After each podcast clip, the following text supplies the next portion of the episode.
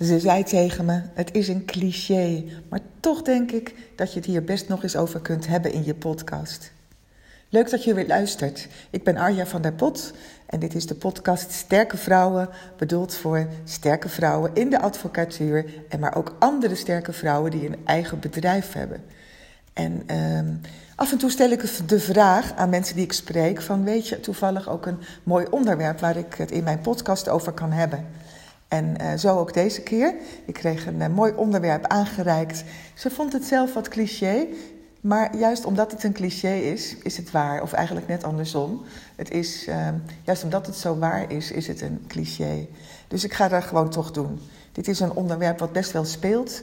En wat ik vaker hoor. Wat ik best wel heel vaak hoor noemen eigenlijk. En ehm, ik ga je wat over vertellen. Ik ga eerst de vraag voorlezen die zij mij, mij stuurde.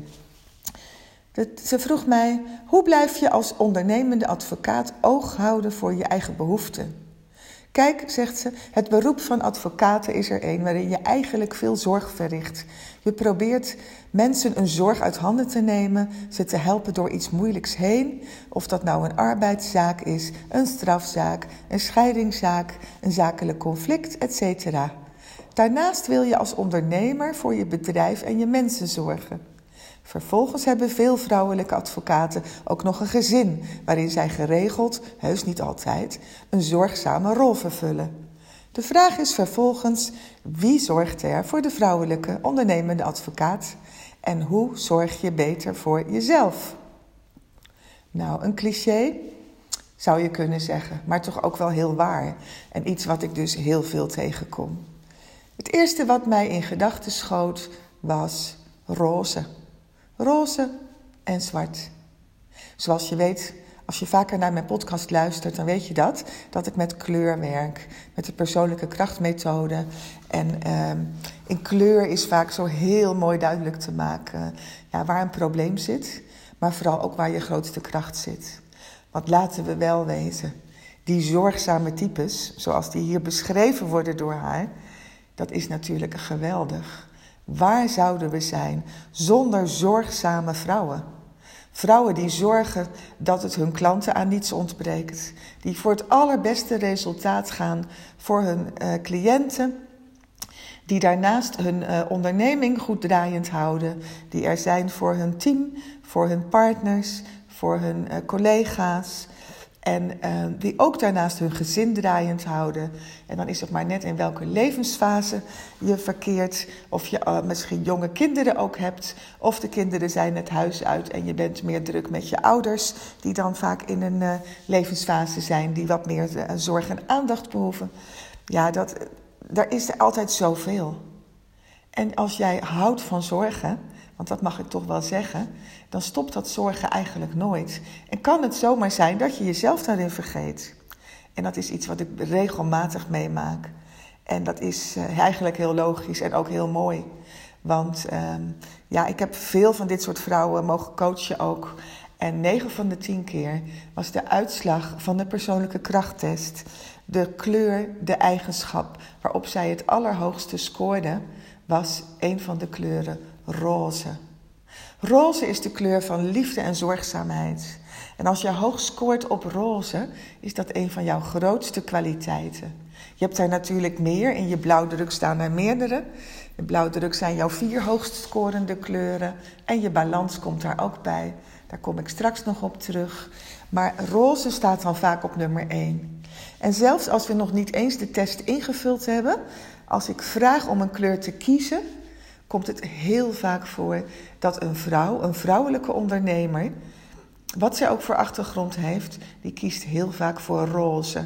Toevallig was dat vandaag ook weer het geval met iemand uh, wie ik een gesprek had via Zoom.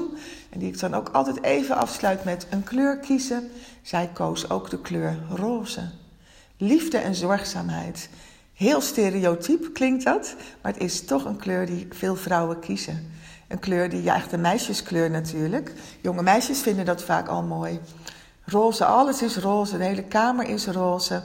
Um, ja, de kleding moet roze zijn. Barbies, waar veel mee gespeeld wordt, roze. Het is een en al roze. Het is één grote roze wolk.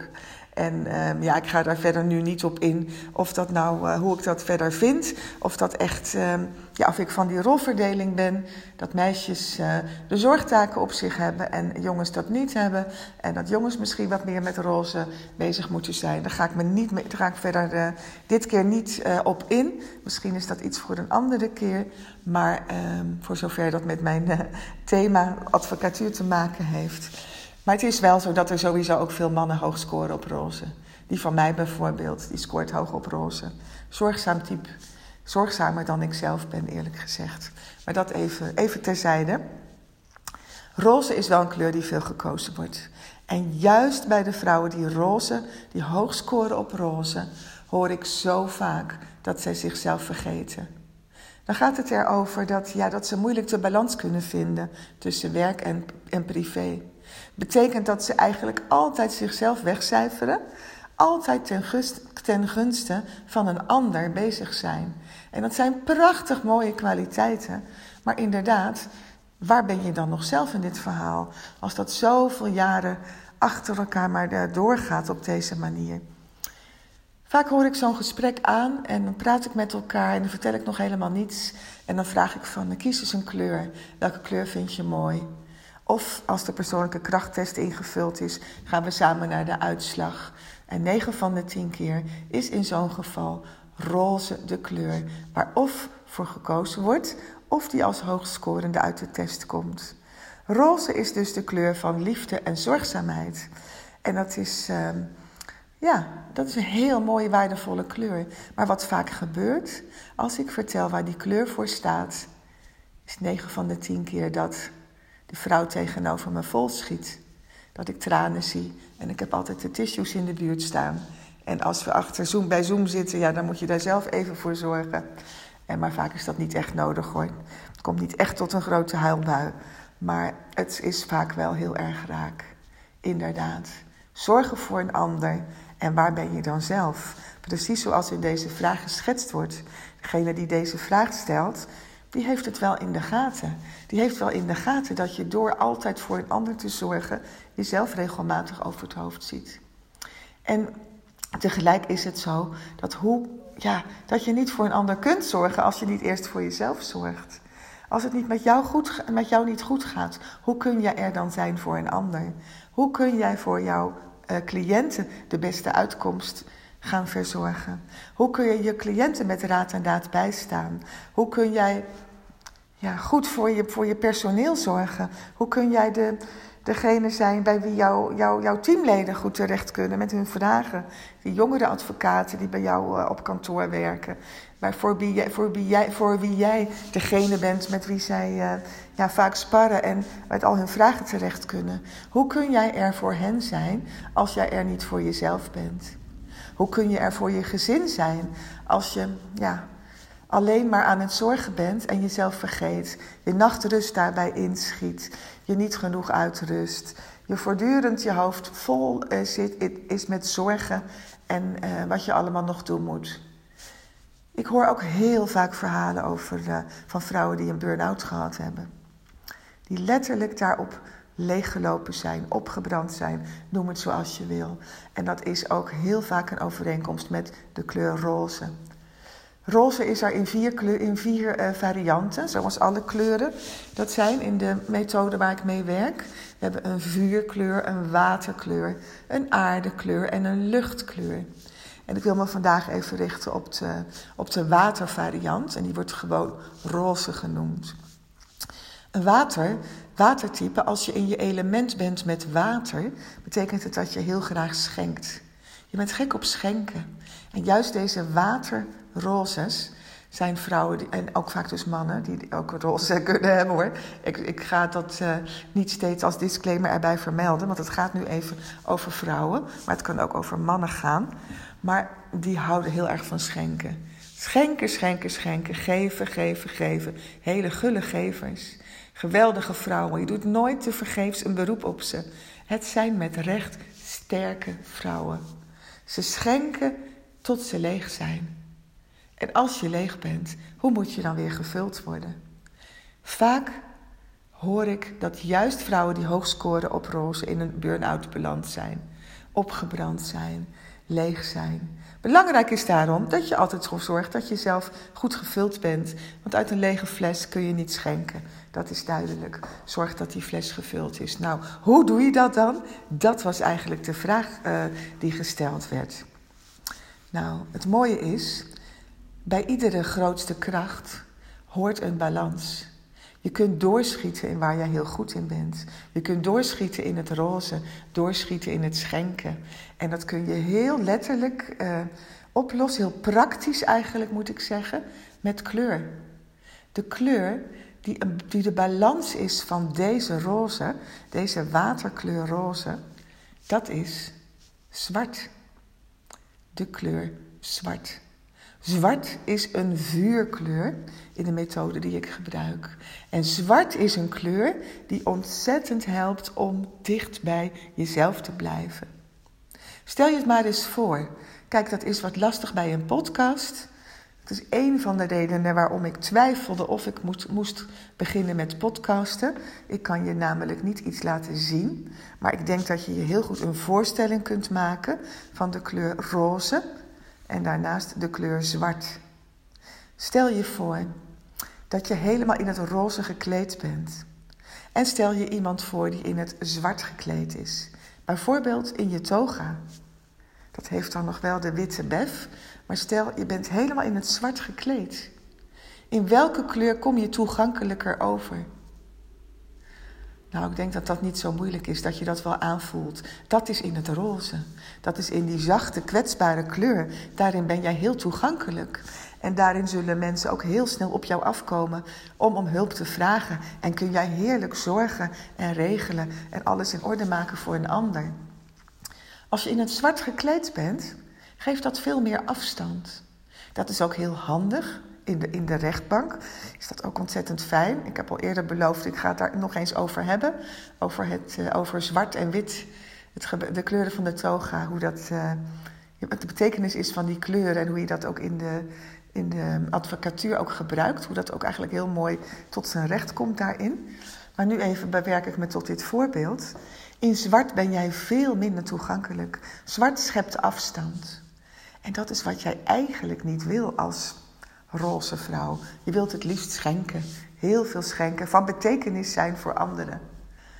Maar toch, als het je te veel wordt, dan geef ik vaak het hele praktische advies. En dat is heel simpel. Ga je gewoon af en toe eens lekker hullen in het zwart. Heel simpel. Trek zwarte kleding aan. Bijvoorbeeld op dagen dat je thuis bent, dat je geen afspraken hebt. En dat je gewoon even de tijd voor jezelf hebt. Sowieso is dat een heel goed advies. Ga dat natuurlijk ook inplannen voor jezelf. Me-time. Ga zorgen dat er ook echt tijd is om op te laden. En ga dat gewoon eens uitproberen. Hul je in een zwart pak, in een lekker nonchalant joggingpak voor mijn part. Iets wat gewoon heerlijk zit. En wat, uh, ja, waar je misschien nog niet de deur mee uit hoeft. Hooguit om lekker te gaan hardlopen, omdat je dat ook zo fijn vindt. Of iets anders om te, om te sporten. Ga in ieder geval iets doen wat jij zelf heel graag wilt. En ga dat doen in het zwart. Ga kijken wat er dan gebeurt.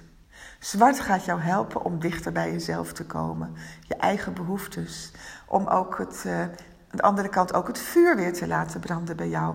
Want zwart is een vuurkleur. Zwart gaat jou helpen om weer op te laden. Om er de volgende dag weer volop te kunnen zijn in het roze, in het zorgen voor een ander. Heel eenvoudig dus. Eigenlijk een hele eenvoudige oplossing. Roze en zwart. En dat is ook zo fijn. Een van de mooie voordelen van de methode waar ik mee werk... is dat je ook letterlijk in die kleur kunt gaan stappen. En kleur voor jou kunt laten werken. Dus ja, mijn advies voor de vrouwen die zoveel aan het zorgen zijn... eigenlijk heel simpel. Ga eens experimenteren met, met zwart. Heel eenvoudig. Trek, een zwart, trek zwarte kleding aan. Probeer wat, het, wat, het, wat er gebeurt. En ehm, ga eerst dus heel goed voor jezelf zorgen in zwart. En dan zijn er allerlei andere praktische dingen natuurlijk te bedenken. Maar ik ben, niet, uh, ik ben geen time management coach en geen balans coach en zelfs geen lifestyle coach. Dat is niet mijn vakgebied. Ik ben van de kleur. En ik kijk hoe kleur jou gaat helpen om van hoofd naar hart te gaan. Want dat is hierbij ook het geval. En soms moet je ook eens even terug van hart naar hoofd. Het kan ook heel erg helpen. Als je jouw grote hart te veel inzet in je zorg voor anderen, kan het ook kan zwart jou helpen om wat meer weer ja, terug naar je hoofd te gaan. Wat meer rationeel te gaan denken. Daar uh, helpt het ook enorm bij. Nou, dit is eigenlijk uh, even alles wat ik erover wil zeggen. Ben je benieuwd naar wat jouw grootste kracht is en hoe dat in kleur weergegeven wordt? Laten we gewoon eens een afspraak daarover inplannen. Je zal zien hoe verrassend dat is. Hoe bijzonder het is als je gewoon een kleur kiest bij mij, wat dat al zegt. Laat staan als wij samen aan de slag gaan en we in beeld brengen wat de kleuren zijn van jouw grootste kracht.